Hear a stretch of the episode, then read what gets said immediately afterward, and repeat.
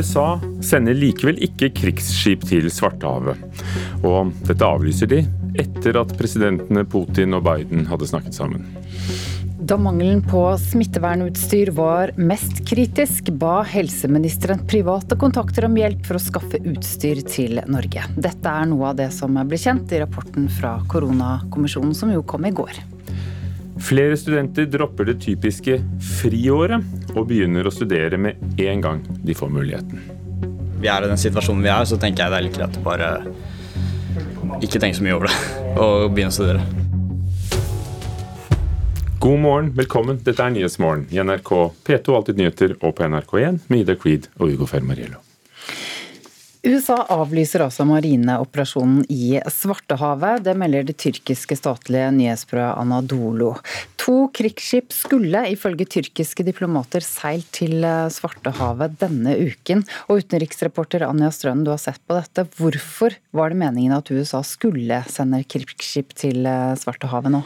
Det ble rett og slett eh, sett på som et svar på, for den eh, russiske militære aktiviteten langs grensa til Ukraina. Og Ifølge regjeringen i Ukraina så har Russland nå sendt 41 000 soldater langs den ukrainske grensen, i tillegg til de 42 000 som allerede er på den annekterte Krim-halvøya.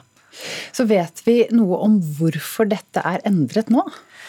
Altså Det vi vet, det er at Russlands sin forsvarsminister han har sagt at soldatene er utplassert som et svar på Nato-aktiviteten som de føler truer Russland. Eh, og Da har han bl.a. vist til disse to skipene som angivelig da var på vei til Svartehavet. Vi vet jo ikke nå om USA har stoppet disse skipene for å roe ned Nato-aktiviteten, slik at eh, Russland rett og slett skal føle seg mindre truet. Eh, og amerikanerne Amerikanerne de har verken bekreftet eller avkreftet at de var på vei, og at de skulle være der til 4. Eh, mai, sånn som Tyrkia sier. Men reglene er faktisk sånn at dersom eh, amerikanerne skal sende krigsskip i disse områdene, så må de 15 dager før varsle Tyrkia. Og Tyrkia mener jo da at de har fått et sånt varsel om at det var krigsskip på vei, men, men eh, nå skjer altså ikke dette. Hvorfor skjer dette nå, tror vi? Eh, det er sånn at Amerikanske krigsskip har rutinemessig operert i dette her området eh, til støtte for å være der til sånn mer moralsk støtte da, for Ukraina. Og Det skjedde jo etter at de prorussiske separatistene tok kontroll over flere områder eh, øst i Ukraina i 2014. Og Den siste tiden så har vi jo sett at det har bygget seg opp en voldsom spenning mellom russerne og ukrainerne. Men nå har vi altså fått beskjed om at eh, Joe Biden har invitert Vladimir Putin til eh, et toppmøte i den nærmeste fremtiden. Og da kan vi jo bare spekulere i at eh, dette at ikke disse skipene sendes, er også et forsøk på å roe gemyttene før en sånn samtale. Mm.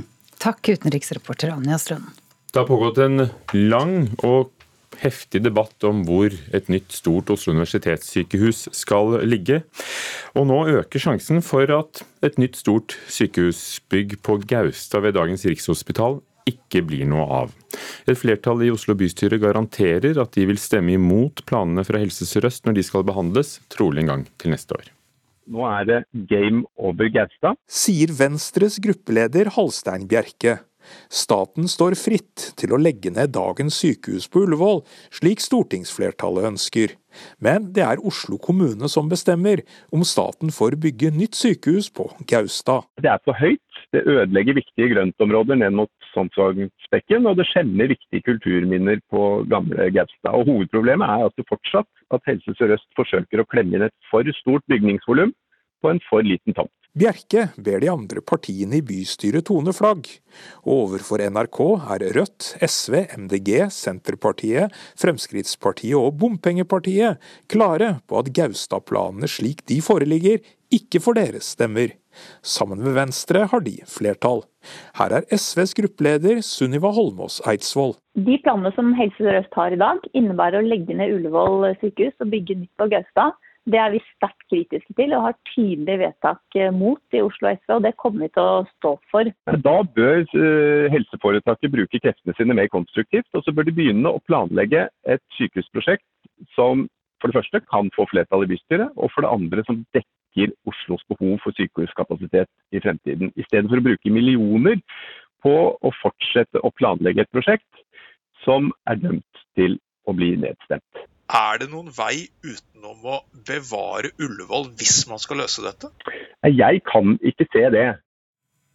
Venstres gruppeleder i Oslo bystyre, Halstein Bjerke, ble intervjuet av Olav Juven. Og så har vi spurt um, Helsedepartementet og hva de mener, og der sier statssekretær Anne Grete Erlandsen at Helse Sør-Øst vil være imøtekommende til innvendinger om å bygge på Gaustad, men at uh, det å bygge ut på Ullevål i stedet blir mye dyrere.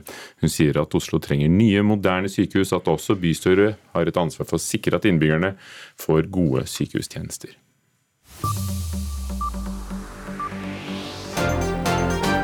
Dette har skjedd i natt. USA avlyser altså marineoperasjonen i Svartehavet. Det melder det tyrkiske nyhetsbyrået Anadolu. To krigsskip skulle ifølge tyrkiske diplomater seilt i Svartehavet denne uken, noe som ble sett på som et svar på russisk militæraktivitet langs grensen mot Ukraina. Det siste døgnet er det registrert 599 nye koronatilfeller i landet. Det er 140 færre enn um, døgnet før og 334 færre enn eh, samme dag for en uke siden. I Oslo er det registrert 150 nye koronasmittede i Oslo det siste døgnet. Det er 57 under snittet de sju foregående dagene. USA setter Johnson Johnson-vaksinen på pause i minst en uke til. Den er satt på vent for å granske blodpropptilfeller hos vaksinerte. EUs legemiddelbyrå EMA har tidligere godkjent vaksinen, men har ikke avklart om den i sjeldne tilfeller kan gi alvorlig blodpropp. Dette skjer i dag, og vi i NRK Nyheter følger spent med. Folkehelseinstituttet vil komme med en ny vurdering av bruken av AstraZeneca-vaksinen i Norge. I går bestemte Danmark at de stanser bruken av vaksinen fullstendig. Flere andre land, bl.a. Frankrike, skal gi vaksinen til den eldre delen av befolkningen. Det er kommet store leveranser av AstraZenecas vaksine til Norge etter at den ble satt på vent. 166 doser er på lager nå, ifølge Aftenposten. Arbeiderpartiet starter sitt digitale landsmøte i dag. Partileder Jonas Gahr Støre holder åpningstalen, og så blir det pressekonferanse etter det. Rusreformen og abortspørsmålene er blant eh, temaene. Koronakommisjonen kom med sin tjukke rapport i går om hvordan landet møtte pandemien i mars i fjor. Var vi godt nok rustet, og hva kunne vi gjort annerledes? Noe av det som kom frem, var at helseministeren brukte sine egne kontakter for å skaffe smittevernutstyr. Og Håpet var at det skulle hjelpe Norge til å få det vi trengte. En av tilbakemeldingene som vi fikk, det var rett og slett at er det noen som har kontakter mot noen av disse store selskapene, eh, så vil det kunne ha stor betydning for Norges prioritet i den køen. Og I den forbindelse så så tenkte jeg på at jeg har en av mine beste venner som har bodd lenge i eh, Asia, og som har mange mm, bekjente der. Og da viste jeg at en av hans venner igjen var da Asia-direktør for, for, dette angjeldende selskapet. Og da benytta jeg meg av den kjennskapen og tok direkte kontakt for å be om at Norge ble prioritert. Bent Høie, helseminister. I år er det ti år siden terroren på Utøya, og NRK har laget programserien Hele historien om hva som skjedde. En av dem som overlevde terroren er Tonje Brenna, som var generalsekretær i Arbeiderpartiets ungdomsorganisasjon AUF. Hun var med på å organisere denne tradisjonsrike sommerleiren. Klokken 17.20 var terroristen gått i land, men det visste ikke Tonje Brenna. Hun hørte smell fra kaia det var skudd, men eh, Brenna trodde det var kinaputter. Og jeg har til dags dato til gode, tror jeg, blir så sint som jeg ble da. For da tenkte jeg det er ikke mulig. Her er folk livredde etter det som har skjedd i Oslo, og så begynner noen med kinaputter. Og jeg bare Jeg kjente bare Jeg ble så sint at jeg løp så fort jeg kunne i den retningen. For jeg tenkte de som driver med de kinaputtene, de må bare stoppes før folk hører dette. Men så kom jeg akkurat over toppen der hvor øya er høyest, like før det bakken begynner.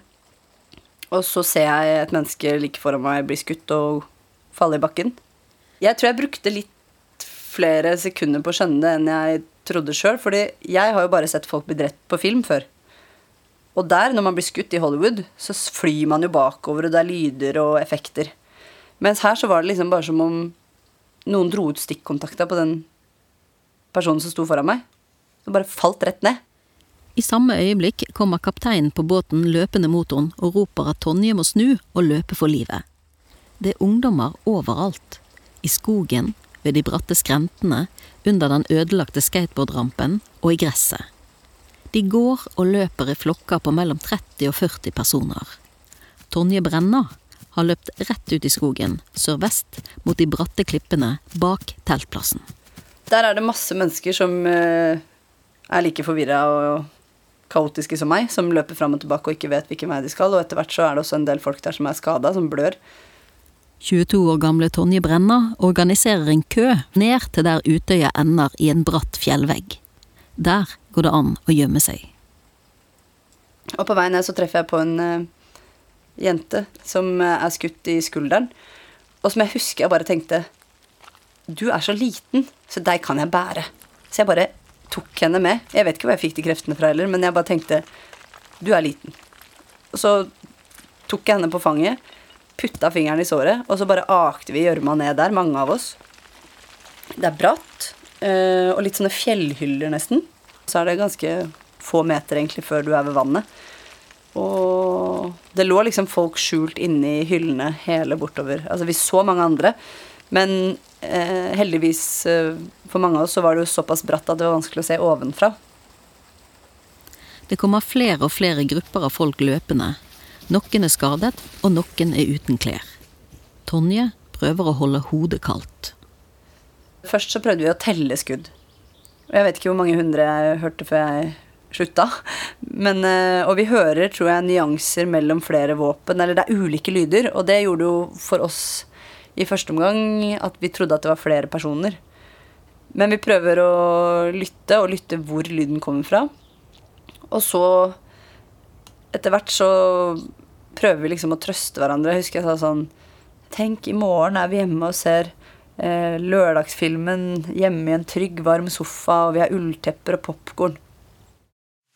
Det sa Tonje Brenna, tidligere generalsekretær i AUF. Hun ble intervjuet av Line Alsaker i programserien Hele historien om 22.07, som du kan høre som podkast i NRK radio, enten appen eller på nrk.no, forteller fire tidligere AUF-ere om hvordan de opplevde terroren for altså akkurat ti år siden. Klokken er 6.43. Du lytter til Nyhetsmorgen i NRK. Smittetallene for koronaviruset faller i Norge. Vi skal se på den aller siste statistikken her i Nyhetsmorgen etter klokken sju. Iran vil anrike uran. Er dette et svar på det som ser ut som israelsk sabotasje, og tilfeldig at det skjer mens USA og Iran sitter i Wien i hvert sine rom og forhandler om ny atomavtale?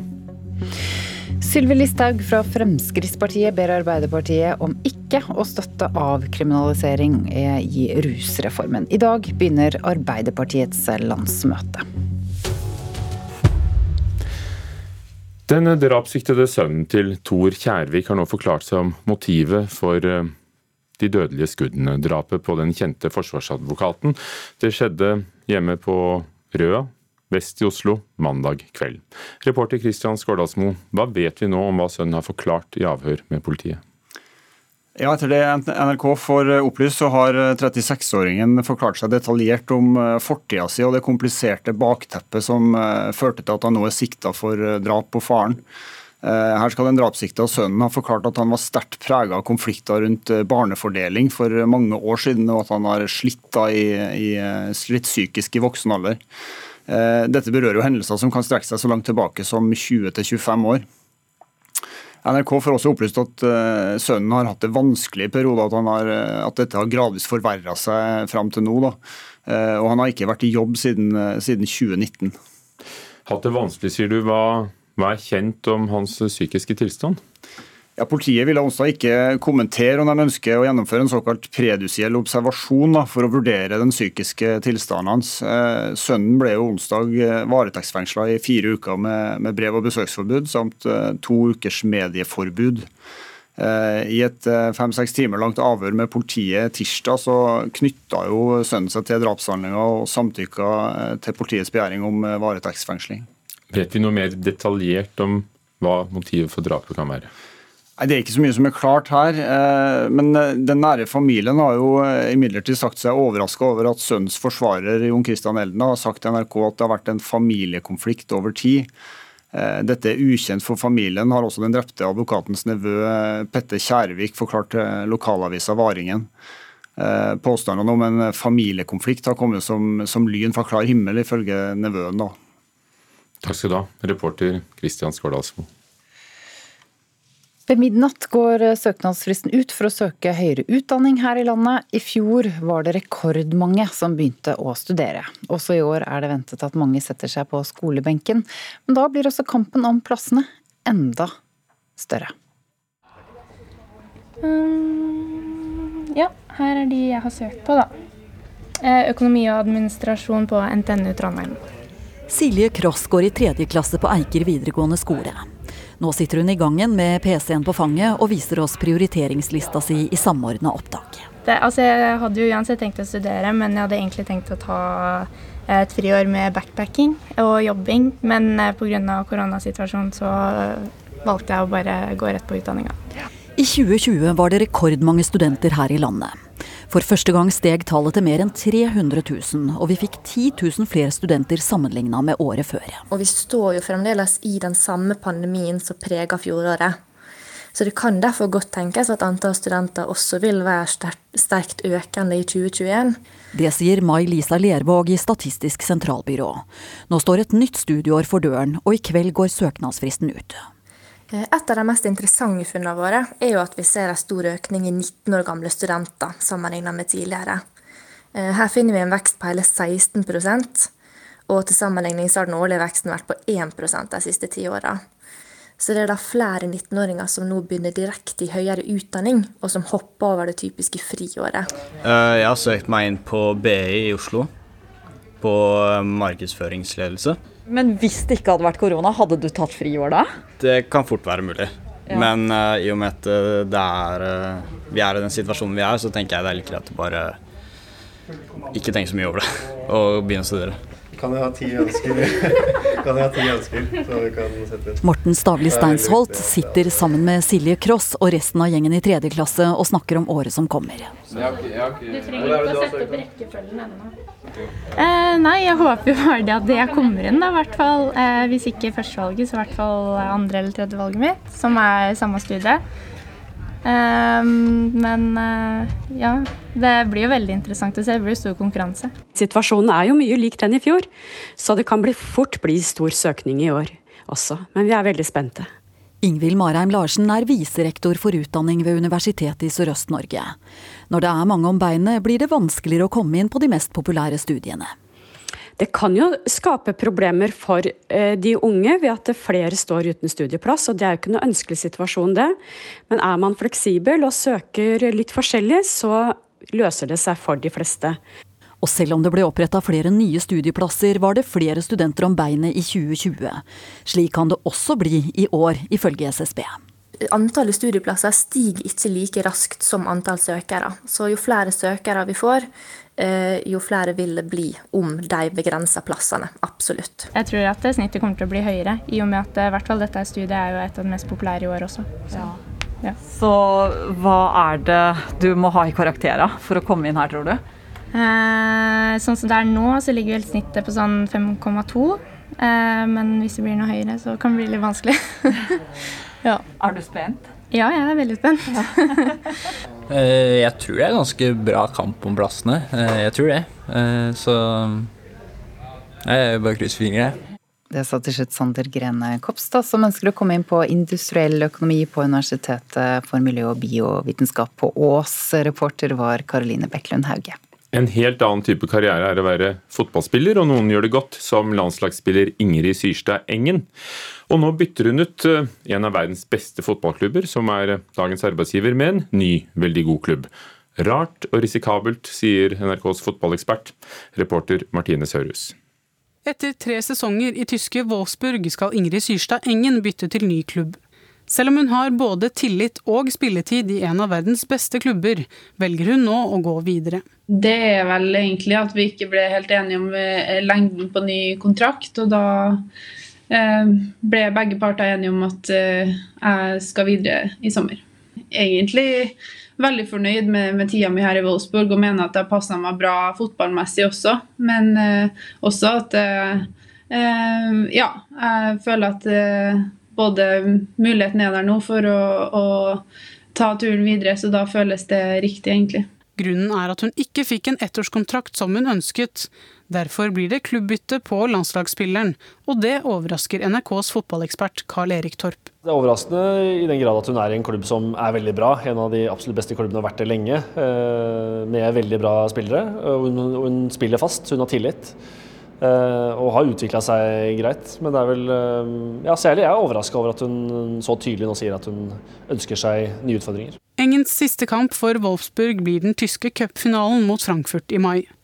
Men hun holder fortsatt kortene tett i brystet når det gjelder hvor veien bærer videre. Den prosessen er, er godt i gang, og kan ikke si så mye mer enn det, annet enn at jeg har øh, ambisjoner om å gå til en toppklubb og fortsette å, å kjempe om bl.a. Champions League-tittel. Så det er jeg, det jeg tenker, da. Det kan hende at hun føler at den engelske ligaen eh, har eh, mer fart da, framover. At det skjer mer. Eh, mer interesse, mer blest rundt. At det er kanskje det hun drømmer litt om. Da, at hun kan tenke at det, det er noe hun savner og ønsker.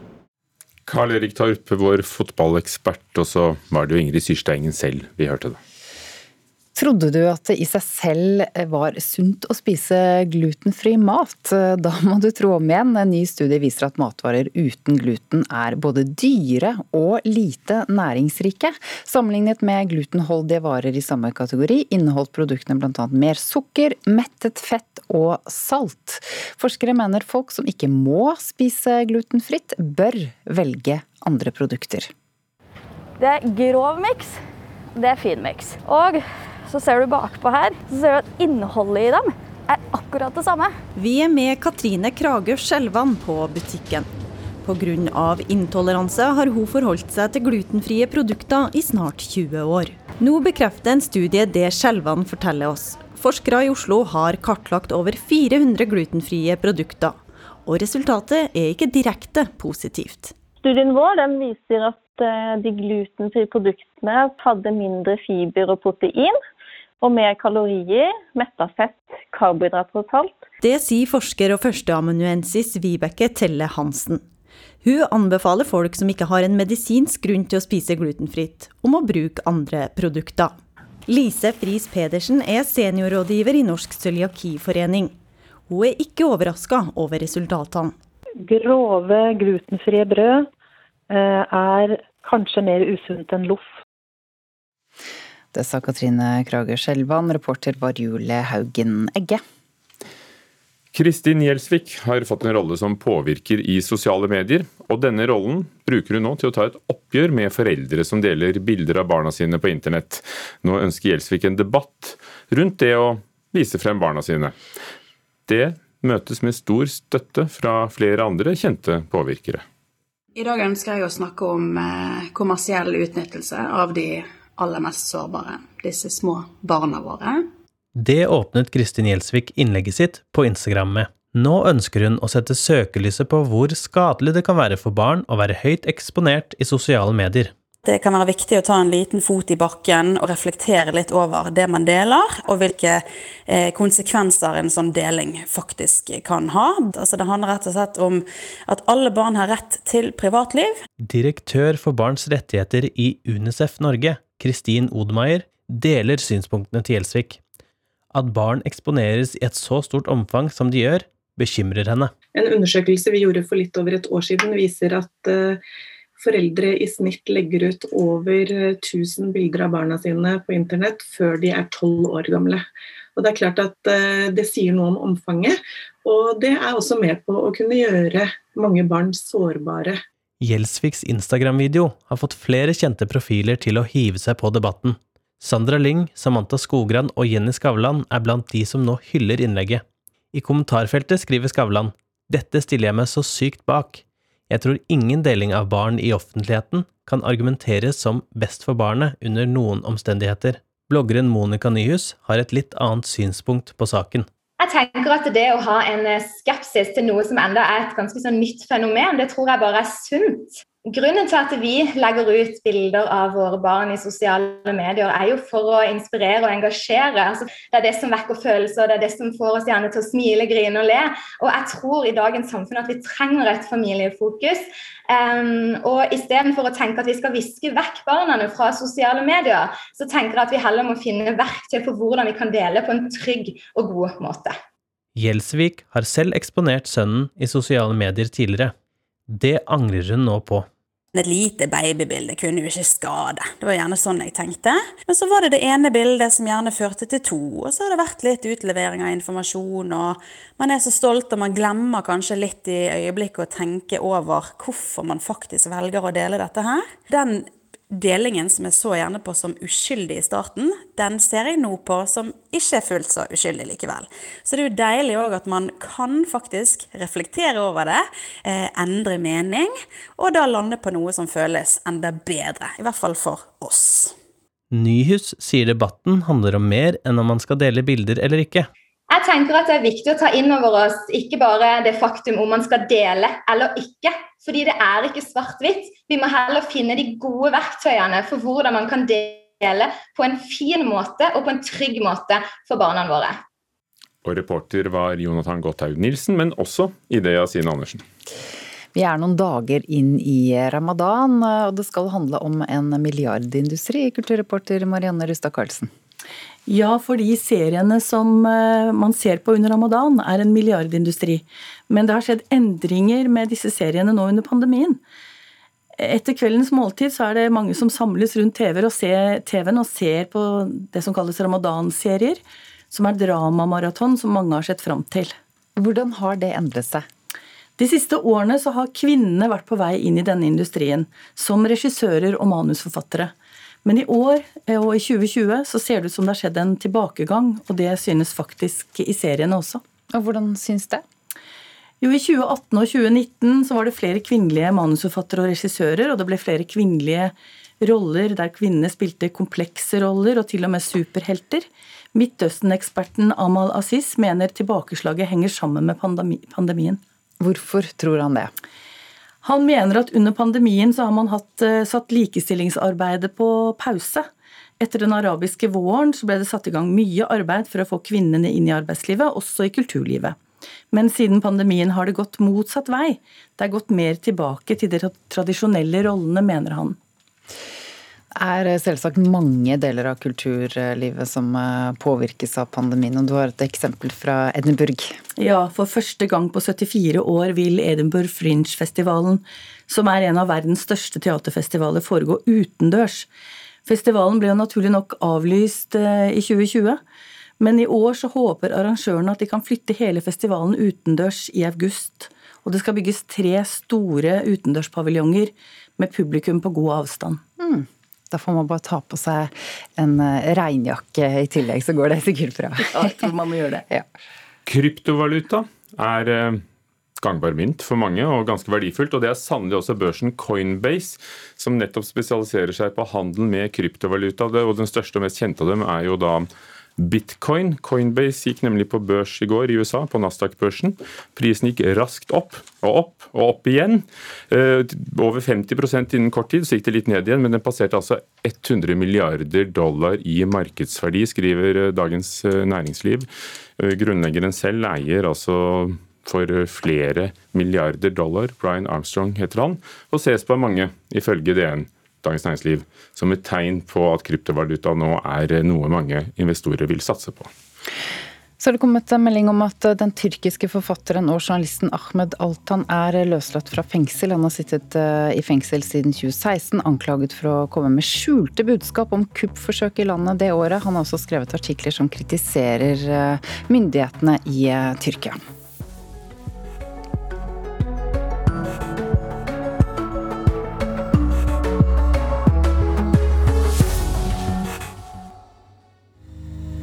Hele historien om 22. juli-terroristen.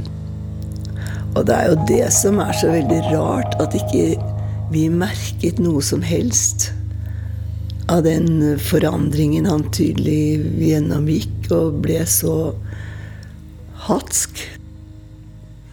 Er du født gal? Blir du gal? Hva, hva, hva skjedde med Anders? Hele historien om 22. juli i NRK radio og på NRK P2.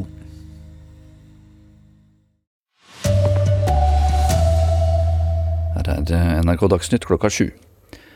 Ved midnatt går søknadsfristen ut for å søke høyere utdanning her i landet. I fjor så var det rekordmange som begynte å studere. Også i år er det ventet at mange setter seg på skolebenken. Silje Kross på Eiker videregående skole hadde egentlig tenkt å ta et friår, men nå blir det studier i stedet. Her er de jeg har søkt på, da. Økonomi og administrasjon på NTNU Trondheim.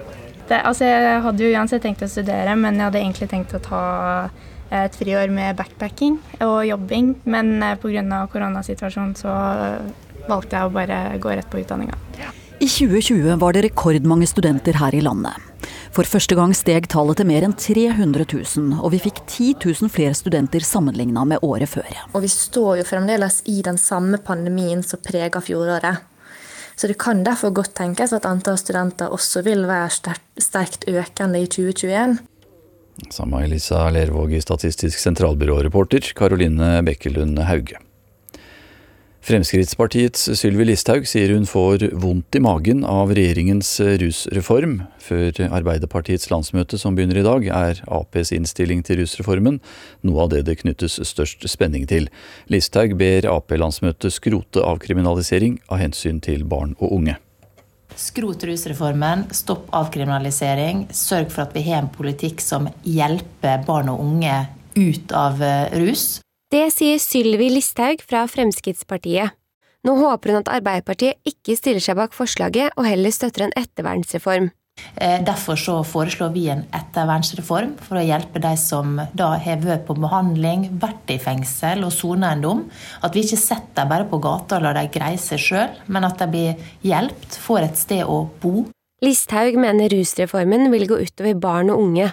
Vi har en suksesshistorie i Norge på at svært få barn og unge prøver narkotika. Vi er et av de landene der færrest prøver det. Det mener jeg vi skal hegne om og ta vare på, og gjøre, fortsette. Reportere Aida Korami og Mats Rønning. En person omkom i en ulykke på rv. 3 på Kvikne øverst i Østerdalen i natt. En personbil og en lastebil frontkolliderte, og den omkomne var alene i personbilen. Veien eh, kommer til å være stengt i flere timer. Det er eh, omkjøring via E6. Antall nye koronasmittede fortsetter eh, å falle. Det siste døgnet er det registrert 599 nye koronatilfeller her i landet. Det er 140 færre enn tirsdag, og 334 færre enn for en uke siden. I Oslo er det registrert 150 nye koronasmittede siste døgn. Det er 57 under snittet de sju foregående dagene. NRK Dagsnytt, Anders Borgen Werring.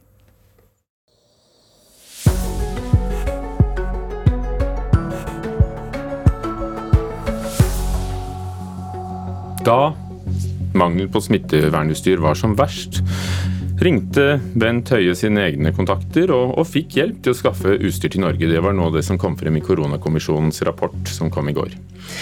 Mens forhandlingene er i gang om en ny atomavtale med Iran, begynner landet å anrike uran.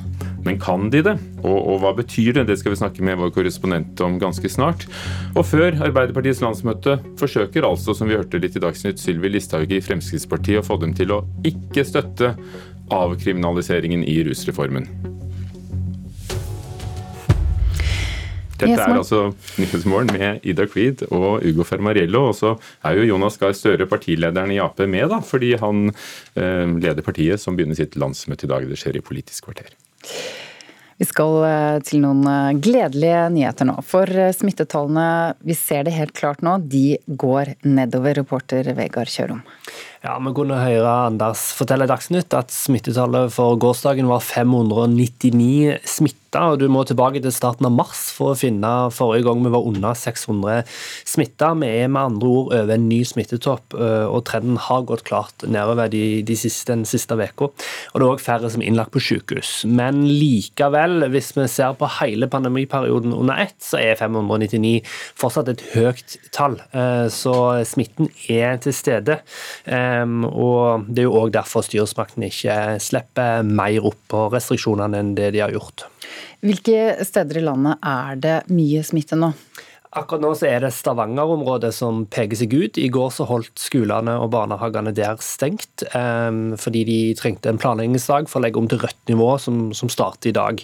Vi ser òg at det er en del kommuner rundt omkring på Jæren hvor det da er høyere smitte, og det samme ser vi i bergensområdet hvor det òg er litt øke. Og så er det i området rundt Oslo, der er det fortsatt en del smitte, men det er her den nedadgående og synkende trenden er tydeligst. Uh, og så skjer det en del sånne små smitteoppblomstringer smittesporinger rundt omkring fra tid til annen. Akkurat nå pågår det en del smittesporing i Dovre kommune, som er en ganske liten kommune, men det har vært 20 smittetilfeller der de siste dagene. Det er altså lys i tunnelen. Hvordan går det med vaksineringen? Det har absolutt gått framover eh, etter påske. Om en ser på Oslo, så har Aftenposten gjort en kartlegging der. Og i enkelte bydeler så er det nå folk i 40-åra som får tilbud om vaksine i disse dagene her. Så er det jo sånn at vaksineringstempoet kan bli påvirka av at AstraZeneca-vaksinen er satt på vent. Folkehelseinstituttet har tidligere varsla at de skal gjøre en ny vurdering innen 15. april, og det er i dag. Og i ettermiddag så eh, er det kalla inn til ny pressekonferanse der temaet er vaksine, så da får vi vite litt mer om hva Norge gjør med AstraZeneca-vaksinen. Nå har vi i hvert fall mange av disse vaksinene på lager. Takk, reporter Vegard Kjølom. Hva gjorde Norge da pandemien rammet Norge? Det er nå over et år siden. Ja, Noe av det som skjedde, var at helseminister Bent Høie plukket opp telefonen og ringte en nær kontakt, en venn, fordi han håpet at dette skulle hjelpe oss med å, skaffe det vi trengte av smittevernutstyr. En av tilbakemeldingene som vi fikk, det var rett og slett at er det noen som har kontakter mot noen av disse store selskapene, eh, så vil det kunne ha stor betydning for Norges prioritet i den køen. Og I den forbindelse så så tenkte jeg på at jeg har en av mine beste venner som har bodd lenge i eh, Asia, og som har mange mm, bekjente der. Og da viste jeg at en av hans venner igjen var da Asia-direktør for, for, dette angjeldende selskapet. Og da benytta jeg meg av den kjennskapen og tok direkte kontakt for å be om at Norge ble prioritert. Da pandemien brøt ut, var den store mangelen på smittevernutstyr et stort problem for helsemyndighetene. Helseminister Bent Høie forteller at han da brukte private kontakter for at Norge skulle prioriteres, men han vet ikke om dette hadde betydning. Nei, Det har jeg ingen idé om. Det vet jeg ikke, men jeg vet at vi fikk eh, utstyr, at det kom utstyr til Norge gjennom dette firmaet. Men om min kontakt var avgjørende eller ikke, det, har jeg ikke, det vet jeg ikke. I går la koronakommisjonen fram sin rapport etter å ha gransket hvordan Norge har håndtert pandemien. Kommisjonens leder, Stener Kvinsdam, kom med hard kritikk mot regjeringen. Regjeringen visste at en pandemi var den nasjonale krisen som var mest sannsynlig. Og vi mener det er en alvorlig svikt at de likevel ikke var forberedt. Arbeiderpartiets leder Jonas Gahr Støre mener Bent Høie handlet helt rett da han benyttet private bekjentskaper i krisen som oppsto. Nei, vet du, Da vil jeg faktisk berømme Bent Høie. For at i den situasjonen hvor alle lagrene var tomme, og jeg, sånn som jeg har hørt det fra folk som jobbet i den sektoren, man hadde kanskje et par dager igjen før det gikk helt tomt, så må man jo prøve på alt. Svakheten var jo at de lagrene var så tomme. At man ikke hadde fylt dem opp, at man ikke hadde planer for at det kunne komme en situasjon hvor man trengte veldig mye. Når da den situasjonen inntreffer, så må man jo rett og slett snu enhver stein. Og gjøre alt man kan. Og bruke de bekjentskapene man da måtte ha. Det er ikke noen skranke mot det. Høie sier flere land forsøkte å skaffe utstyr. Altså, Det som jeg vet, er at det var eh, stor press fra veldig mange land, og ikke minst land som er betydelig større og viktigere enn en Norge i, i, den internasjonale sammenhengen eh, mot, eh, mot, disse selskapene, som presser på for å bli prioritert. Nært samarbeid på tvers av landegrensene har hatt stor betydning i denne tiden, sier helseministeren.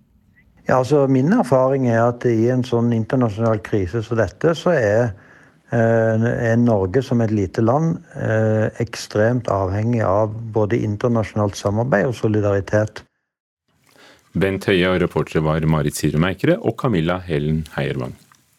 Nok en gang kan altså vaksineutrulingen bli forsinket. Johnson Johnson setter eh, utrullingen av vaksiner i Europa og også i USA på pause. og Folkehelseinstituttet skal i dag komme med en ny vurdering av AstraZeneca-vaksinen i Norge, som har vært satt på pause etter flere blodpropptilfeller. Men hvilke deler av befolkningen skal prioriteres fremover?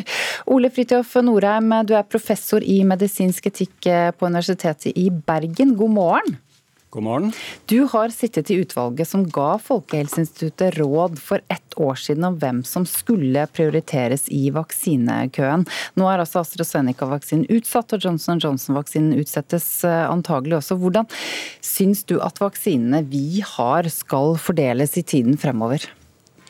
Ja, Nå støtter jeg meg på Holden-utvalget, som kom med en ny rapport i forrige uke. og De har jo mer kunnskap eh, enn vi hadde for et år siden. Og de har også støtta seg på matematiske modelleringer fra FHI.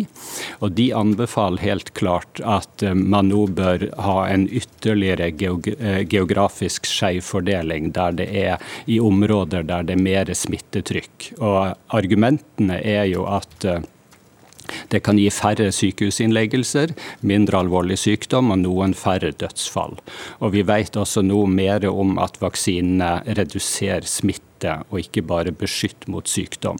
Så alle disse vurderingene eh, fører i retning av at vi eh, bør nok nå vurdere eh, enda mer eh, prioritering av områder med vedvarende høyt smittetrykk, sånn som Oslo og deler av eh, Østlandet. Mm. Det er jo mange som har prøvd å få det til lenge, bl.a. byrådslederen i Oslo, Raymond Johansen. Hvorfor tror du den geografiske fordelingen har ligget så fast? Det har jo vært et etablert prinsipp i norsk helsetjeneste at alle skal ha lik tilgang til helsetjenester uansett hvor man bor. Og Det er jo en veldig god og veletablert eh, verdi og et politisk prinsipp i Norge. Men så må det veies opp imot eh, nytten av vaksiner i dette tilfellet. Og det er jo også sånn at F.eks. i eh, Oslo-området, i, eh, i, Oslo øst, er det eh, grupper som er sårbare, som har eh, økt smittetrykk i forhold til mange andre. og Det er også et likhetshensyn. ikke sant? De med lav sosioøkonomisk status eller andre eh, kjennetegn eh, som gjør at det å også se på de med størst, høyest risiko, som kan hjelpes mest med vaksine, at det er et hensyn. Så det blir en på mange måter en politisk avveining mellom likhet og effektivitet.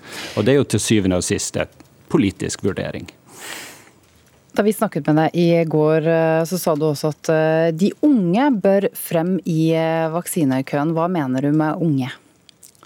Da tenker jeg på, på uh, ungdom 18 til 30 år, kanskje. Det er jo en gruppe som koronakommisjonen sa i går, som har mange av de har på en måte tapt et helt liv, og det kan få enorm eh, betydning for fremtiden deres, for utdanning, dropouts osv. Jeg vet at Folkehelseinstituttet nå vurderer om man skal eh, endre litt på vaksinerekkefølgen når eh, de, de eldre og de med ekstra risikofaktorer er ferdigvaksinert, om det kan være riktig å la 20-30-åringer rykker litt opp i køen. Vi har jo også flere vaksiner, og det kom jo i går én positiv nyhet om at Pfizer-vaksinen, at vi kanskje får en halv million før sommeren av, av den. Så dette kan være en, en mulig eh, justering også av vaksinerekkefølgen. Du er altså professor i medisinsk etikk. Kan du si litt om hva prisen vi betaler er for denne nedstengningen? Det er jo sånn at det, det, som det har vært mest fokus på, er helse. Men det som Holden-utvalget har vært dyktige til, er å også se på tiltaksbyrden. Og vi vet jo det at eh, for eh, f.eks. unge studenter som er på sitt første studieår isolert på hybel i lang, lang tid, ingen fysisk undervisning i lange perioder, det kan være en enorm belastning. Og jeg tenker at nå når vi har flere vaksiner, vi er kommet lenger ned i vaksinekøen, så må vi også begynne å balansere eh, risikoer og helsegevinstene også opp imot tiltaksbyrden. Og ta en mer helhetlig avveining av fordeling av tiltaksbyrden, også i forhold til helsegevinster. Sikkert eh, mange unge studenter som ble glad for det du sa der. Takk for at du var med, Nyhetsmorgen, Ole Fridtjof Norheim, professor i medisinsk etikk ved Universitetet i Bergen. Sylvi Listhaug, som er innstilt som ny leder av Fremskrittspartiet, sier hun får vondt i magen av regjeringens rusreform. Før Arbeiderpartiet begynner sitt landsmøte i dag, er eh, Arbeiderpartiets innstilling til rusreformen noe av det det er mest spenning til, og Listhaug ber Ap-landsmøtet droppe det med avkriminalisering av hensyn til barn og unge. Skrot rusreformen, stopp avkriminalisering, sørg for at vi har en politikk som hjelper barn og unge ut av eh, rus. Det sier Sylvi Listhaug fra Fremskrittspartiet. Nå håper hun at Arbeiderpartiet ikke stiller seg bak forslaget og heller støtter en ettervernsreform. Eh, derfor så foreslår vi en ettervernsreform for å hjelpe de som da har vært på behandling, vært i fengsel og sona en dom. At vi ikke setter dem bare på gata og lar dem greie seg sjøl, men at de blir hjulpet, får et sted å bo. Listhaug mener rusreformen vil gå utover barn og unge. Vi har en suksesshistorie i Norge på at svært få barn og unge prøver narkotika. Vi er et av de landene der færrest prøver det. Det mener jeg vi skal hegne om og ta vare på, og gjøre, fortsette. Nå har Jonas Gahr Støre og Arbeiderpartiet en historisk mulighet til å være med på en av de største sosialpolitiske reformene. Sier Guri Melby, leder for Venstre. Hun ønsker at Arbeiderpartiet skal stille seg bak rusreformen. Nå har vi en mulighet til å innføre en politikk som kan redde liv, og som gjør at noen av de mest slitne i samfunnet vårt behandles med mer verdighet. og da, Den muligheten håper jeg de griper. Jeg sier til Guri Melby at hun har en kombinasjon av å true og lokke. og ikke, Ingen av delene gjør så veldig inntrykk på meg. Leder for Arbeiderpartiet Jonas Gahr Støre sier at to ting er viktig for ham når det gjelder rusreform. Det er at vi nå virkelig får levert en reform som gir helsehjelp til rusavhengige. Den andre solidariteten det er å hindre og bidra til å hindre at unge mennesker kommer inn i rus. Det er vi som foreldre og som eh, voksne mennesker og som unge mennesker opptatt av å sikre. Og En rusreform må også ivareta det. Og Der er regjeringens framlegg det er ikke godt nok. Det er, ikke, det er mange elementer som ikke er med, og vi må ta dette grundig og helhetlig fra vår side. Jonas Gahr Støre, reporter Aida Korami grundig, altså. Rusreformen er et av de heteste temaene på Arbeiderpartiets landsmøte som starter i dag, det vet vi. Eh, og, kommer Jonas Gahr Støre til Politisk kvarter, programleder Ingunn Solheim? Ja, han kommer forhåpentligvis, men om han svarer på hvor han helt står i spørsmålet om rusreformen, det eh, skal jeg absolutt spørre nå, men jeg er usikker på hva svaret vi får. Han har altså nå et valg om å ta imot frieriet, som vi hørte fra Sylvi Listhaug. Det har også kommet oppmoding fra KrF og Senterpartiet om å gå imot denne avkriminaliseringa. Og så har eh, statsminister og som vi hørte Guri Melby, men også tidligere regjeringspartner SV oppmoda fra andre sida innstendig om at Arbeiderpartiet nå blir med og danner flertall for at folk ikke skal straffes for bruk eller oppbevaring av mindre mengder narkotika. Så vi se i Politisk kvartel og høre om, eh, om, vi får vite mer om hva Støre eh, mener om dette. Takk eh, Ingen Solheim. Og Politisk kvarter kommer som vanlig klokken 7.45.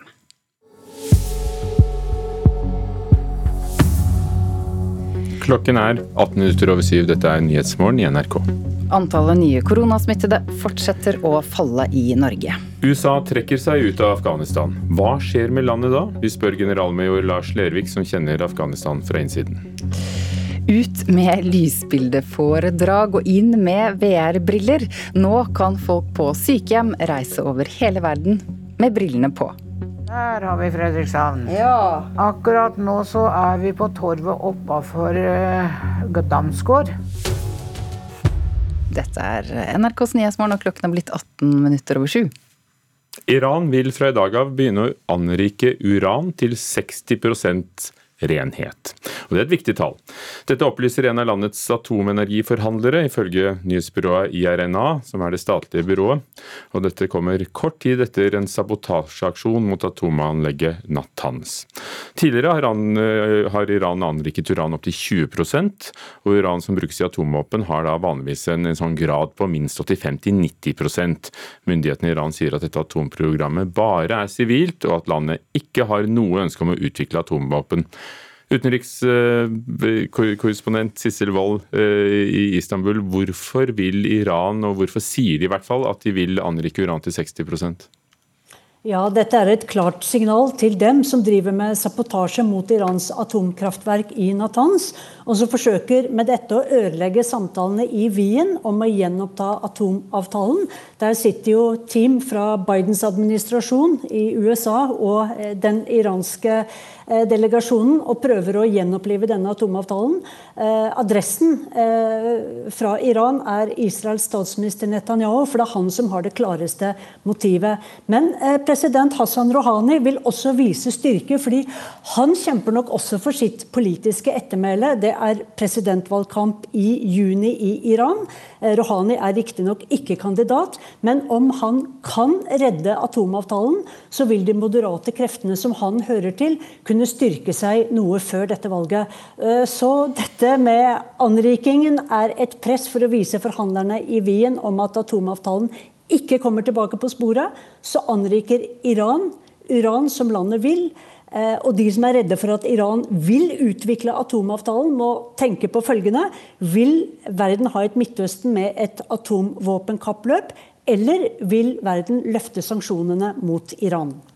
Og så er det Benjamin Netanyahu, da, Israels statsminister, som er sterkt imot atomavtalen, fastholder at Iran utvikler atomvåpen og, og ønsker å utslette Israel, er påstanden fra Netanyahu. Hva skriver israelske medier om planene til Iran? Ja, Det er flere som er eh, redde for at Benjamin Netanyahu, som er i en politisk kaotisk situasjon, han forsøker å danne en koalisjonsregjering.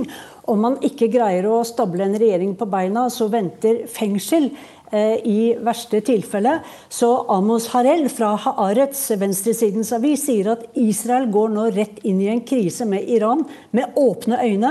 En svært farlig vei å gå.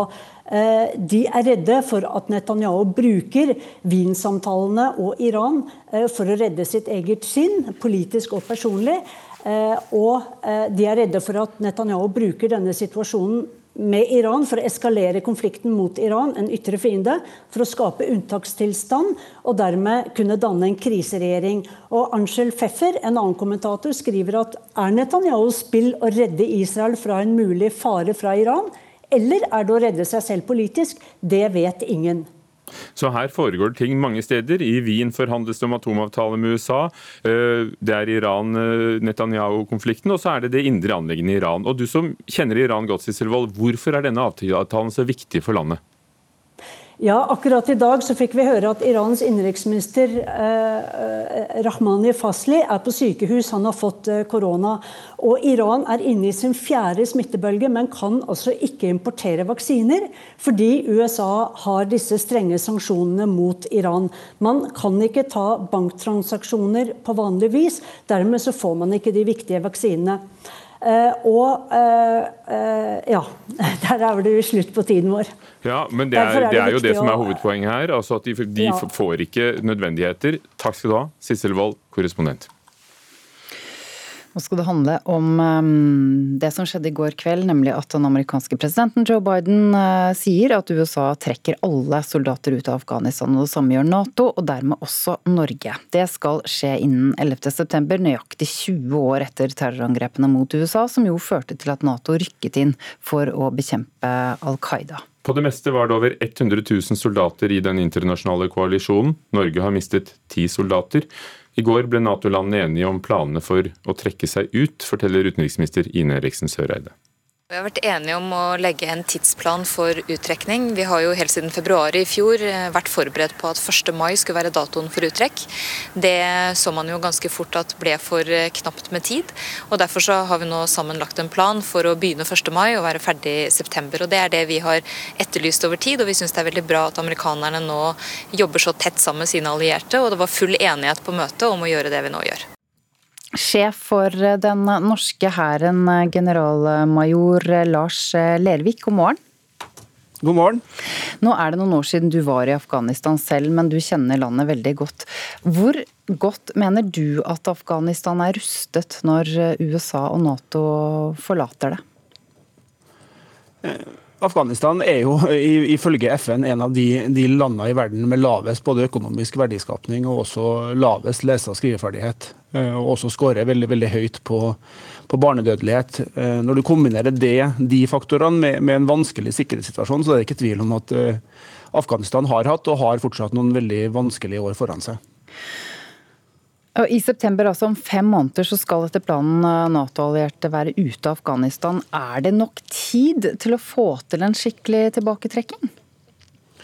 Ja, på, på, på militær side så er det, er, det, er det, tilstrekkelig med tid. og Den, den planleggingen har pågått en stund. så Det, det føler jeg meg trygg på at vil kunne bli, bli, gjennomført på en ryddig og god måte for de militære styrkene. Men hvilke utfordringer ser du da?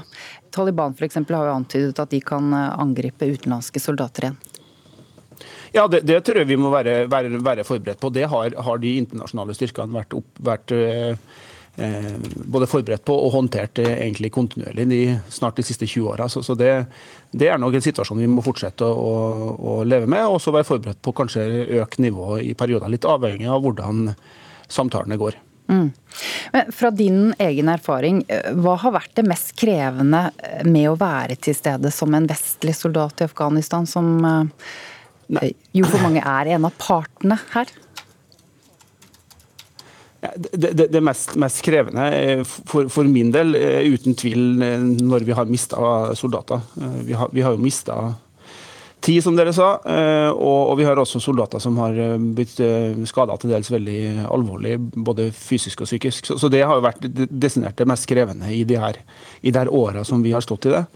I selve Afghanistan og under oppdragsløsninga der, så har i hvert fall min personlige opplevelse har vært at det mest krevende har vært å, å greie å forstå den afghanske kulturen. Det afghanske samfunnet, som er veldig annerledes enn der vi har vokst opp. Eh, og når jobben vår har vært for å prøve å bidra til oppbygginga og eh, etableringa av et velfungerende samfunn, så har det vært viktig, men også veldig krevende.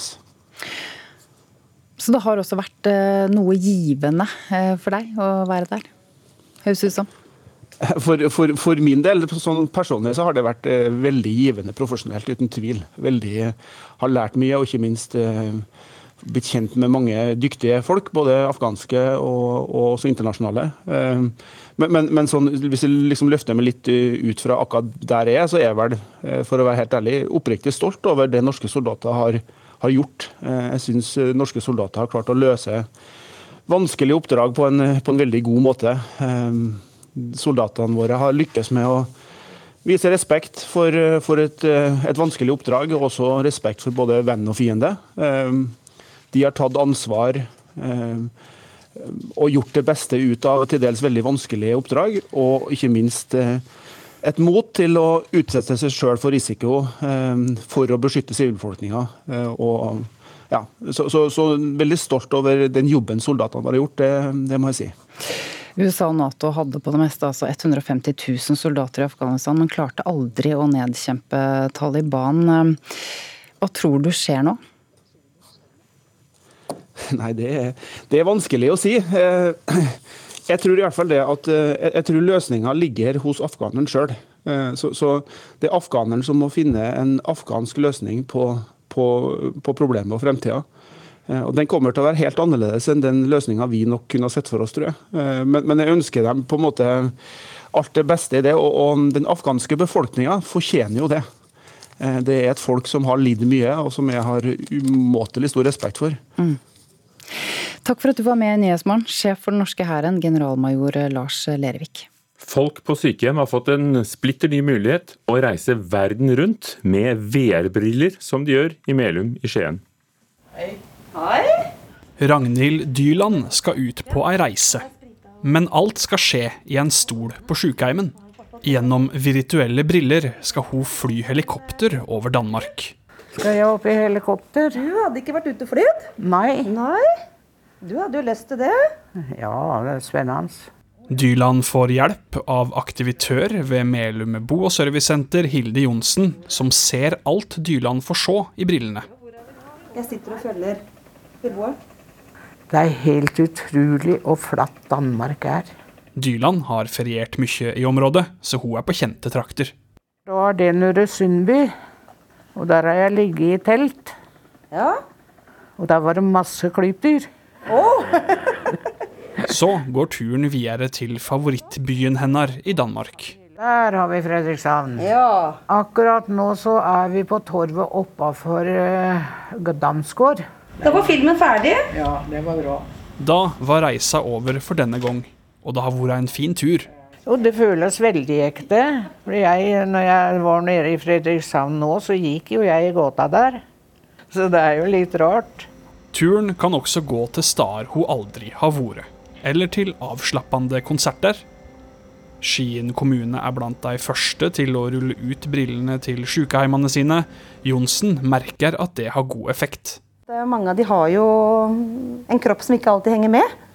Og da er det jo godt å ta opp på brillene og faktisk dra til det stedet, noe vi ikke får til til vanlig. Og så har vi de personene som eh, trenger litt beroligende. Men det er ikke alle turer som faller like godt i smak. Jeg var jo med henne på en film og fikk eh, labben til en apekatt midt i trynet. Det var ikke noe. Reporter var Martin Thorstveit. Dette er Nyhetsmorgen i NRK.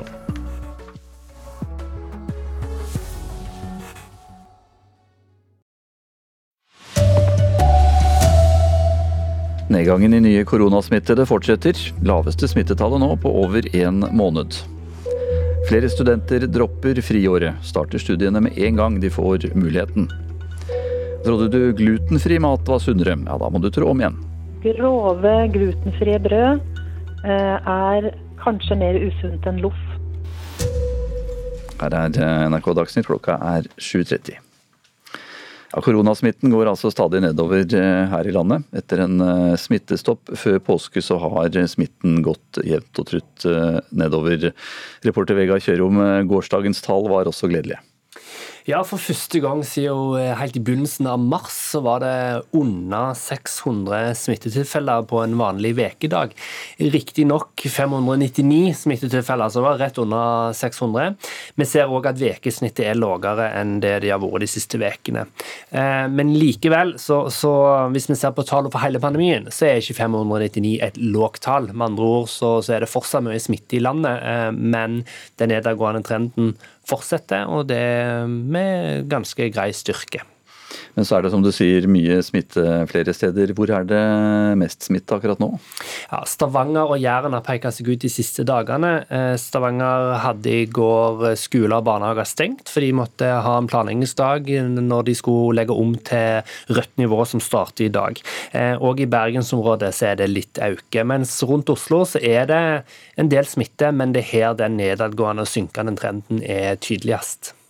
Og så er det mange som eh, venter på at de skal få tilbudt eh, vaksine. Hvordan går det med vaksineringen? Ja, det har absolutt gått fort, eh, fortere framover i tida etter påske. I mange kommuner så får folk i 60-åra nå vaksine, eller tilbud om vaksine. Eh, og i enkelte bydeler i Oslo så er det folk i 40-åra som nå starter å få tilbud om vaksine.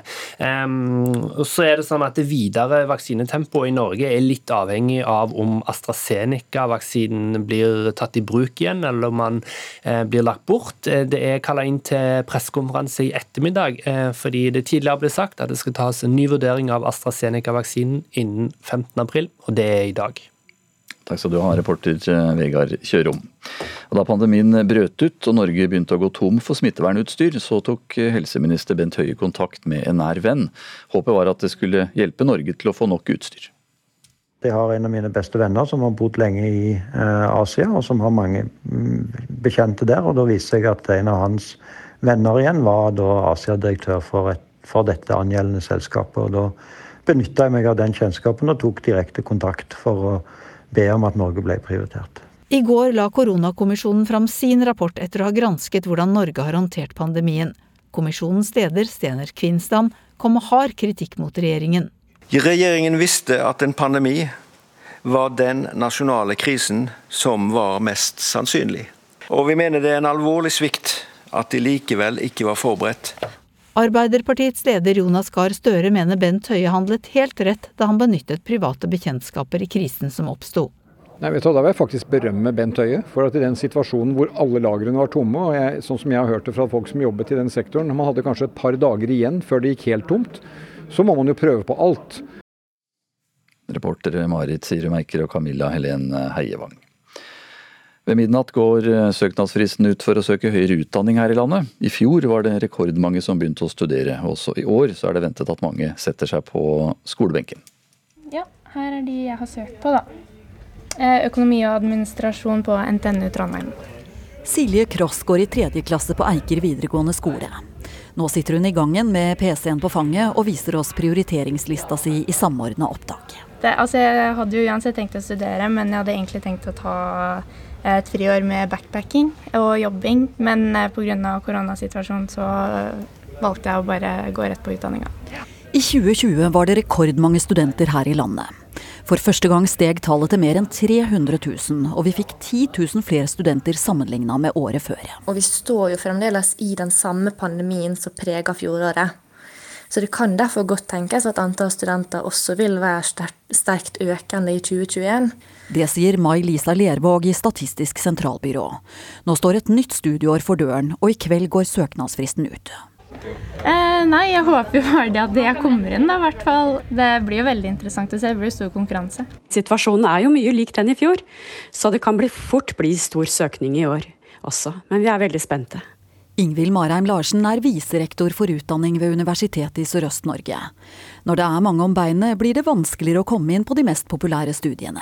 Men er man fleksibel og søker litt forskjellig, så løser det seg for de fleste. Jeg tror at snittet kommer til å bli høyere, i og med at eh, i hvert fall dette studiet er jo et av de mest populære i år også. Så, ja.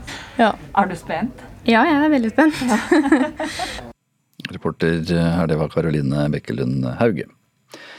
Fremskrittspartiets eh, Sylvi Listhaug sier hun får vondt i magen av regjeringens eh, rusreform. Før eh, Arbeiderpartiets landsmøte starter i dag, så er Arbeiderpartiets innstilling til rusreformen noe av det det knyttes størst spenning til. Listhaug ber Ap-landsmøtet skrote avkriminalisering av hensyn til barn og unge. Skrot rusreformen, stopp avkriminalisering, sørg for at vi har en politikk som hjelper barn og unge ut av rus. Det sier Sylvi Listhaug fra Fremskrittspartiet. Nå håper hun at Arbeiderpartiet ikke stiller seg bak forslaget, og heller støtter en ettervernsreform. Eh, derfor så foreslår vi en ettervernsreform for å hjelpe de som da har vært på behandling, vært i fengsel og sona en dom. Nå har Jonas Gahr Støre og Arbeiderpartiet en historisk mulighet til å være med på en av de største sosialpolitiske reformene. Sier Guri Melby, leder for Venstre. Hun ønsker at Arbeiderpartiet skal stille seg bak rusreformen. Nå har vi en mulighet til å innføre en politikk som kan redde liv, og som gjør at noen av de mest slitne i samfunnet vårt behandles med mer verdighet. og da, Den muligheten håper jeg de griper. Jeg sier til Guri Melby at hun har en kombinasjon av å true og lokke. og ikke, Ingen av delene gjør så veldig inntrykk på meg. Leder for Arbeiderpartiet Jonas Gahr Støre sier at to ting er viktig for ham når det gjelder rusreform. Det er at vi nå virkelig får levert en reform som gir helsehjelp til rusavhengige. Den andre solidariteten det er å hindre og bidra til å hindre at unge mennesker kommer inn i rus. Det er vi som foreldre og som eh, voksne mennesker og som unge mennesker opptatt av å sikre. Og En rusreform må også ivareta det. Og Der er regjeringens framlegg det er ikke godt nok. Det er, ikke, det er mange elementer som ikke er med, og vi må ta dette grundig og helhetlig fra vår side. Reportere Aida Korami og Mats Rønning. En ny studie viser at varer uten gluten er dyre og lite næringsrike. Sammenlignet med glutenholdige varer i samme kategori inneholdt produktene bl.a. mer sukker, mettet fett og salt. Forskere mener folk som ikke må spise glutenfritt, de bør velge noe annet. Det er grov miks, det er fin miks. Og så ser du bakpå her, så ser du at innholdet i dem er akkurat det samme. Vi er med Katrine Kragø Skjelvan på butikken. Pga. intoleranse har hun forholdt seg til glutenfrie produkter i snart 20 år.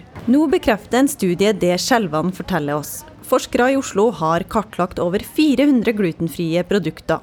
Og resultatet er ikke direkte positivt. Studien vår viser at eh, de glutenfrie produktene hadde mindre fiber og protein, og mer kalorier, metta fett, karbohydrater og salt. Det sier forsker og førsteamanuensis Vibeke Telle Hansen. Hun anbefaler folk som ikke har en medisinsk grunn til å spise glutenfritt, om å bruke andre produkter. Det er nok mange som tror at glutenfri mat er sunnere enn eh, glutenholdig mat. Eh, og det stemmer ikke når vi ser på eh, resultatene våre og kategorien samla sett. Lise Friis Pedersen er seniorrådgiver i Norsk cøliakiforening. Hun er ikke overraska over resultatene. Grove, glutenfrie brød er kanskje mer usunt enn loff Reporter Julie Haugen eh, Egge. Influenser Kristin Gjelsvik tar et oppgjør med foreldre som deler bilder av barna sine på nett. Nå ønsker hun en debatt rundt eksponering av barn. I dag ønsker jeg å snakke om eh, kommersiell utnyttelse av de aller mest sårbare, disse små barna våre. Det åpnet Kristin Gjelsvik innlegget sitt på Instagram med. Nå ønsker hun å sette søkelyset på hvor skadelig det kan være for barn å være høyt eksponert i sosiale medier. Det kan være viktig å ta en liten fot i bakken og reflektere litt over det man deler. En undersøkelse vi gjorde for litt over et år siden viser at uh, foreldre i snitt legger ut over 1000 bilder av barna sine på internett før de er tolv år gamle. Bloggeren Monica Nyhus har et litt annet synspunkt på saken.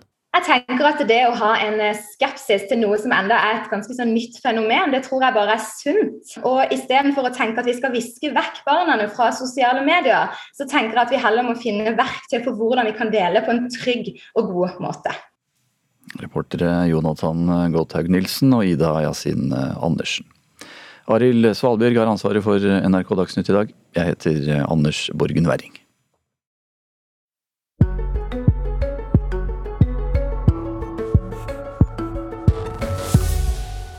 Landsmøtesesongen er i gang. I dag er det Arbeiderpartiets tur, og Jonas Gahr Støre, partileder, kommer til Politisk kvarter her i Nyhetsmorgen i NRK P2, Alltid nyheter, og på NRK1 om noen få minutter. Men først opp i luften. I Troms. Der testflys det nå en drone, noe ganske utenom det vanlige. Den har en integrert skredsøker, og, og dermed skal dronen kunne hjelpe letemannskaper å finne frem til personer som er tatt av snøskred. Norsk Folkehjelp Midt-Troms har tatt initiativet til å få lagd denne dronen, og så har de fått støtte til prosjektet av Dam-stiftelsen. Det var Simonsen fra Norsk Folkehjelp Midt-Troms. Hei igjen. Da er vi klar til eh, takeoff her oppe. Takk så lenge.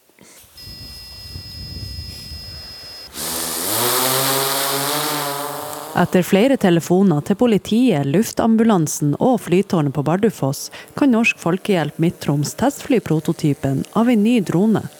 Dette er sannsynligvis den første drona av sitt slag i Norge. Fordelen med dette er at vi har greid å lage en hybrid av to teknologier. At vi både kombinerer skredsøkerteknologien med eh, drone. Dronepilot Ralf Simonsen er på Ansfjellet for å testfly droner.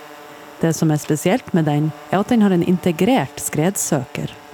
Så når vi flyr over et område hvor vi forventer at det kan være en skredsøker, så kan vi fly over ganske raskt og effektivt og ta inn signal om det er en skredsøker der eller ikke. Vi vil kunne flyge i eh, opp mot fire km avstand når vi har eh, visuell kontakt med droner. Og hvis vi har kamera på droner, så kan vi bevege oss 7-8 km. Som gir oss helt nye muligheter på å ta oss inn i i farlige områder, eh, i skredfarlig terreng, på en helt annen måte for å avklare situasjonen mye tidligere. Ja, der har du et signal på 20 meter. 12 meter. Opp til 15 igjen. Da er vi nede på 10. Lederen i Norsk Folkehjelp Midt-Troms er med på Ansfjellet for å teste ut prototypen. Kenneth Bratli Molund er også prosjektleder, og han ser fram til å få et nytt verktøy til å bruke ved snøskred. Allerede ligger det ei drone med termisk kamera i verktøykassa, men de har erfart at de også trenger ei drone med skredsøker. Det starta opprinnelig i, eh, i skredet i Tamotdalen i januar 2019, eh, eh, der vi kom i, i situasjoner der vi hadde lyst å, å, søke av områder som ikke var klarert som, som trygg for mannskap. Og Det var sånn den spede ideen starta. Tre finlendere og en svenske mista livet i den tragiske skredulykka. Pga. dårlig vær og snøskredfare tok det nesten to uker før letemannskapet kunne slippe inn i området. Ei drone med skredsøker vil kunne spare dyrebar tid under lignende forhold i framtida. Ja, Fordelen er jo at vi kan søke av store områder både alene med droner, men også sammen med mannskap. Og vi kan dekke store områder over kort tid, og vi kan også da søke områder som kanskje ikke er klarert for, for mannskap enda. Så det er målet, at det skal bli mer effektivt og tryggere for mannskap. Forhåpentligvis så kan mannskapene bruke mindre tid på å søke, men heller mer tid på å redde. Ja, lag én. Da kan dere gjøre et eh, finsøk eh, under der drona er nå. Å sette en skredsøker i ei drone høres ikke så komplisert ut. Så hvorfor er det ikke gjort før nå? Nei, sånn oss bekjent så, så, har det vært prøvd tidligere, men det er store utfordringer med, med frekvensstøy fra propellene til droner bl.a. Det har vært lagt ned et ganske godt arbeid av produsenten for å få bort og forhindre denne frekvensstøyen. Men samtidig så har jo også verden, verden går jo framover og teknologien blir jo bedre. Så eh, jeg, vi er litt usikre på om det har i det hele tatt vært mulig å gjort det her tidligere. Vi er veldig fornøyd med at initiativet er fra eh, et av landets mest skredutsatte fylker. Det var veldig godt å fly droner for første gang. Det er en milepæl vi har venta lenge på. Og det å se at eh, teknologien fungerer sånn som vi håpa på og ønska på, var også veldig gøy.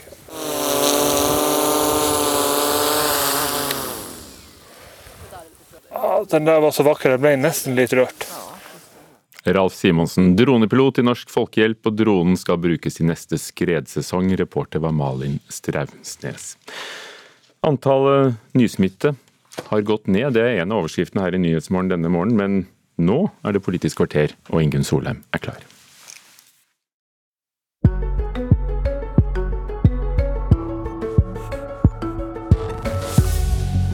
Etter eh, flere år med interne oppvasker, elendige meningsmålinger og påstander om vinglete politikk, møter Jonas Gahr Støre sitt eget landsmøte med meningsmålingsvind i ryggen. Og han kan bu seg på en valgkamp mot en statsminister med merkelappen 'alvorlig svikt' på beredskapsplanlegginga si. Bør han egentlig bare sitte musestille helt fram til valget? I dag starter altså Arbeiderpartiet sitt digitale landsmøte, og om to timer og ett kvarter skal du holde talen din. Men først vel møtt i Politisk kvarter, Jonas Gahr Støre. Du smiler bredt. Hvordan ser du med sjøltilliten om dagen? Den har egentlig vært bra lenge, men jeg, jeg føler at det er vår. Eh, Bokstavelig talt. Vi har eh, Fokus på politikk, stort engasjement, og vi gleder oss til landsmøtet, selv om det blir digitalt, da. Litt annerledes. Men du er en av de som uh, tør å heve hendene over hodet når meningsmålingene er gode? Nei, jeg gjør ikke det. For jeg vet mer enn noen at uh, valgkamp er helt inn, og det er veldig har jeg erfart et par ganger at uh, man skal være, ta veldig på alvor. De som vi ønsker å bytte ut, har ikke tenkt å gjøre det lettvint. Det blir en tøff valgkamp. Men jeg har en trygghet i meg, fordi at vi er samlet om politikk. Jeg har ledet programarbeid og sett hvordan vi har kommet sammen om at nå er det vanlige folks tur. Vi skal snu rekkefølgen etter åtte år hvor de som har mest, har kommet best ut av det. Så er det kraftsatsing på arbeid, og ikke bare nå å få ledigheten ned, men virkelig få unge inn i arbeid utover på 20-tallet. Sterkere velferdsstat som står imot privatisering, og en rettferdig klimapolitikk. og det er mye arbeid for å komme dit, egentlig. Formuleringer og forslag, men vi er der, og jeg tror dette landsmøtet kommer til å bekrefte det. Men noen vil kanskje hevde at den oppturen du kanskje kjenner på nå, ikke skyldes det du og Arbeiderpartiet gjør bra, men heller at dine politiske motstandere ikke helt lykkes, eller er litt utslitt? Ja, Det får være kommentatorene som får bedømme det, da. Jeg leder mitt parti, jobber med folk over hele landet. Selv om ikke jeg kan reise, så har vi jo muligheten til å jobbe sammen. Og der kommer det eh, mange gode toner og god selvtillit. Så skal vi utfordre en regjering som jeg mener er på mange måter eh, har mistet energi. Det er lite spennende nytt, lite løft over hva som skal være politikk på 20-tallet. Men la oss gå i gang med de konkrete sakene. Og den store saka ser ut til å bli rusreformen ved dette landsmøtet. Hva er etter ditt syn det beste argumentet for og hva er det beste argumentet mot å ta vekk trussel om tradisjonell straff for bruk av narkotika? Altså, altså avkriminaliseringa, ja. som er kjernen i diskusjonen her. Si det er nesten inntrykk av at nå, fra februar, eh, på tampen av en periode, skal vi diskutere rusreform. Jeg er helhjertet tilhenger av rusreform. Jeg har vært helseminister, jeg har jobbet med det. Arbeiderpartiet har jobbet med det. Vi må få til en politikk hvor rusavhengige møtes med helsehjelp ikke stigmatisering, ikke rettsvesenets harde hånd. Og det gjelder rusavhengige, og der er dere jo enige stort sett over hele linja i jo, norsk politikk. Jo, men nå må politikk. vi levere på det, da. Det, er, det, er, det som er viktig å få gjort det ordentlig. Men jeg har sagt i denne debatten, og jeg skal gi mitt tydelige syn til landsmøtet i morgen, nå jobber vi med det. Det er, det er ulike syn hos oss, men enigheten om dette store feltet, det er det viktige. Men jeg har sagt at det er to typer solidaritet vi må vise nå. Med de rusavhengige som altfor lenge ikke har fått den oppfølgingen de skal få. Det berører ikke reformen fra regjeringen. Hvordan gjør vi ordentlig kapasitet i kommunene til å hjelpe folk? Den andre solidariteten, det er å hjelpe unge mennesker til ikke å komme inn i rus. Okay. Og der kommer tematikken skal det være en reaksjon i forhold til det med rus. Ja. Skal det være noe samfunnet sier at dette er ikke greit, det er en reaksjon. Og der er det mange i Arbeiderpartiet som mener at det bør det fortsatt være. og det det er det vi diskuterer Og du er god til å sette deg inn i argument for og mot. Hva, hva og, og, og sier hele tida at en må lene seg på kunnskap. Hva slags forskning eller kunnskap utenom anekdotiske fortellinger har vi som sier at ved å ta vekk straff, så vil unge ruse seg mer? Dette er jo da noe vi ikke vet hvis du fjerner alle straffereaksjoner. Eh, Folkehelseinstituttet skriver at da er det grunn til å regne med under normale forhold at forbruket vil øke. Aktiviteten rundt det produktet vil øke. Det er en sammenheng her mellom et, produkt som er forbudt, og om det er reaksjoner for å erverve seg det produktet.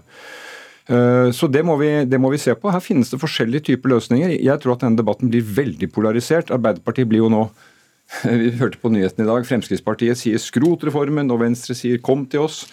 Og Da er jeg så glad for å være et parti som sier det at vi jobber med dette grundig selv. Og kom ikke og si at ikke vi har jobbet med dette lenge. Det er ikke sant? Thorvald Stoltenberg var Arbeiderpartiets mann. Jeg fremmet mange ting som helseminister for å gjøre denne hverdagen bedre, komme med helsehjelp. Det ble stemt ned av Høyre. Nå er det mange partier som har snudd, og jeg tror vi kan ha muligheten til å få til noe. Men vi skal gjøre det grundig, og det holder vi på med. Men det gjorde vel en ganske grundig jobb i forkant av, eh, eller i programarbeidet som du har leia. Og i utkastet til programmet så står det jo at en skal gå vekk ifra avkriminalisering. Nei, nå siterte du ikke riktig.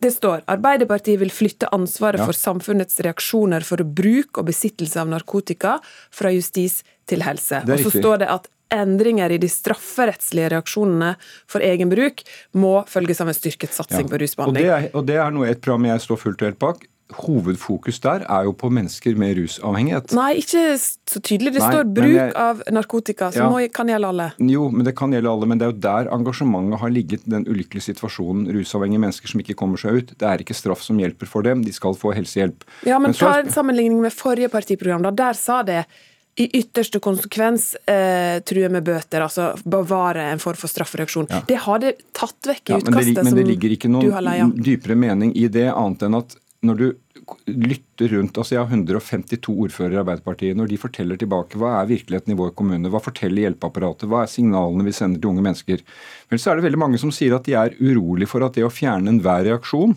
opplevelsen at nå er det fritt fram, eh, eh, så er det noe som eh, senker terskelen inn. Og vi vil ikke senke terskelen inn. Så får vi lande det klokt på en måte som jeg vil si når det viktigste målet, nemlig at de som altfor lenge har blitt stående alene, sårbare syke, kommer fra de vanskelige delene av, eh, av, eget liv, de skal få hjelp. Og det, det, det skal vi Det ligger fast. Men fast. eh, du var litt inne på det, det blir fridd voldsomt til fra alle sider her nå. De som er tilhengere av rusreformen, ber dere havne på rett side av historien og kalle det eh, ekte sosialpolitikk å stille opp for de rusavhengige. Det sier du at en skal gjøre, men også da godta at en må avkriminalisere. Kampanjen er intens i sosiale medier. Fungerer det?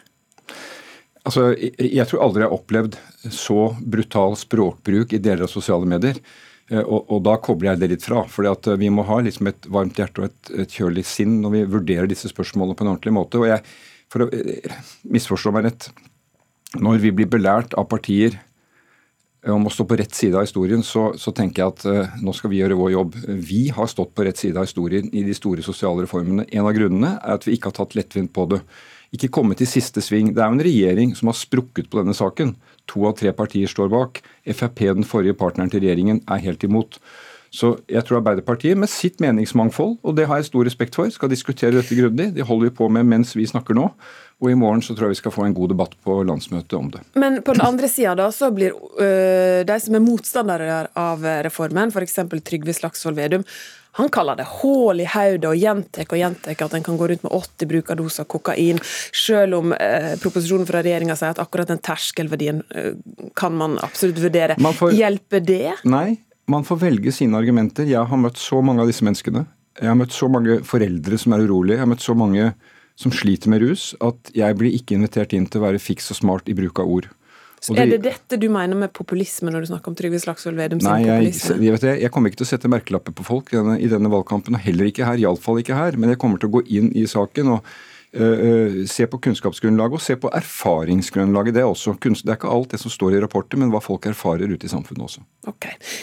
Heller det mot utsetting av hele denne reformen? Nei, vi, vi, skal lande vår posisjon på landsmøtet. Så kommer vi til Stortinget etter landsmøtet og er villige til å sette oss ned der og se på er det mulig å få til noe her. Den, men jeg gjentar, det som regjeringen har lagt fram, det er en, en lovproposisjon om å endre to paragrafer i legemiddelloven som åpner for avkriminalisering. Og mange mener jo, argumenterer aktivt i sosiale medier, at det er første steg til legalisering. Det siste er jeg helt klart imot. Eh, men en rusreform Det er også Erna Solberg imot. Ja, det, det, det er bra. Men Erna Solberg, som fronter alle reformer fra denne regjeringen, har vært helt taus i denne saken inntil for to dager siden. Så her er det mye sånn taktikk. Og da kan jeg berolige om at Arbeiderpartiet tar det på alvor, og vi skal diskutere det grundig. Ok. Du, vi går videre. Eh, du la fram det du kaller den største distriktspolitiske satsinga for Arbeiderpartiet siden 70-tallet. Ei Ap-ledet regjering vil umiddelbart endre kurs i distriktspolitikken, og det skal merkes i løpet av de 100 første dagene. Hvorfor legger du så stor vekt på distrikta ved dette valget? Jeg sa i 2017 at vi måtte ta på alvor den lærdommen som var, at vi hadde tapt posisjon i Nord-Norge, i mange distrikter, viktige områder hvor folk har stolt på Arbeiderpartiet. De var kommet i tvil. Og det må vi ta på alvor, og jeg tok det på alvor. Vi har hatt grundig arbeid med det. Og dette programmet sier er den største oppdateringen av distriktspolitikken siden 70-tallet. Hva trenger norske distrikter i dag? Det bunner veldig mye i arbeid. Og interesse for arbeid som gjør at unge mennesker ikke flytter fra. Da må vi gjøre et satsing for utdanning. Vi har en svær pakke her på desentralisert utdanning, få utdanningstilbudene ut til folk. Eh, en aktiv næringspolitikk som gjør at vi kan utvikle distriktenes fantastiske ressurser, og at mer av verdiskapningen blir igjen eh, i distriktene. Og ikke minst det som er grunnleggende velferd, trygghet. At ambulansen kommer, at det finnes en ledsagende jordmor osv. Så, videre. så, det, så det er ikke ett kapittel på distrikt, og så finner du fire punkter. Det går egentlig gjennom hele programmet. Og jeg vil si bygd og by. For mange av de samme trygghetsforholdene som du får fra en velferdsstat, som vi har i Norge, er like viktig for et menneske som bor midt i Oslo, som en som bor ute i distriktene. Men distriktssatsingen det, det var viktig for oss for å kunne komme i kontakt igjen med de velgerne som var blitt i tvil. Men så sier de at det skal utjevne forskjeller. Er det størst forskjeller mellom folk i byene eller på bygda? Det er et veldig interessant spørsmål. Jeg vil si at Det er like store forskjeller internt i en by som det er mellom by og bygd. Noen av de største sosiale utfordringene har vi jo i de store byene. Vårt... Ja, men Der vil jeg bare skyte inn, fordi Nyere forskning viser nå at forskjellen mellom bygd og by den minsker når det gjelder inntekter til folk. Jo, men, men, forskjellene ja. innad i Oslo er enorme, ja. f.eks. Men, men når vi sier etter åtte år hvor ulikheten har økt, og de som har mest, har stått først i kø Når vi sier det er vanlig folks tur, så bor jo de i by og bygd, og som har opplevd at barnehagen er blitt dyrere, SFO er blitt dyrere, det å pendle til jobb er blitt dyrere, avgiftene er gått, gått opp. Og på skatteregninga så er det de som er aller øverst. De får lettelser i formuesskatt og inntektsskatt. Vi snur det. Under 750 000 så får du lettelser. Vi over må betale noe mer.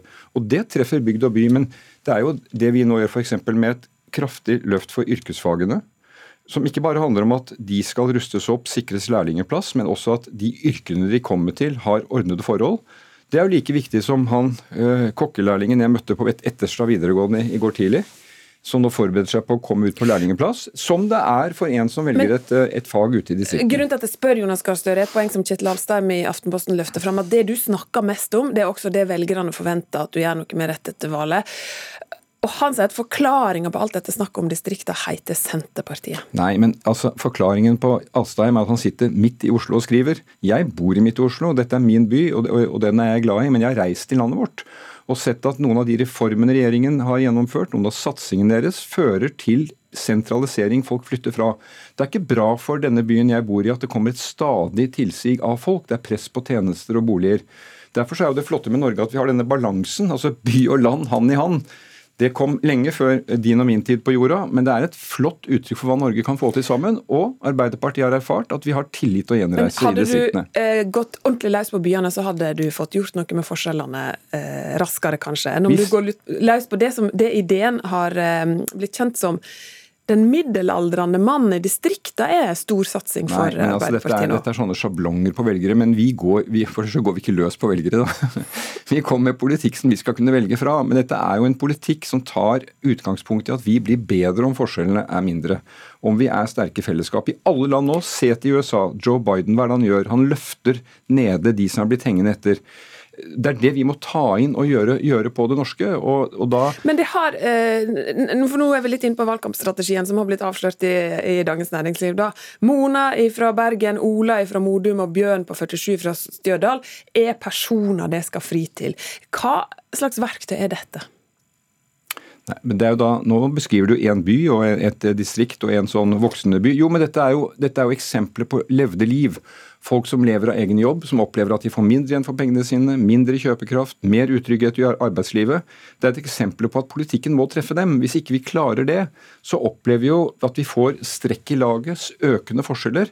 Og da vil jeg jo si til deg som bor midt i by, og som kanskje tjener over den streken, det blir et bedre samfunn for deg og for dine barn. Mer trygghet. Vi lykkes med de store oppgavene. Det store klimaløftet vårt kommer ikke til å lykkes hvis folk føler at de blir hektet av.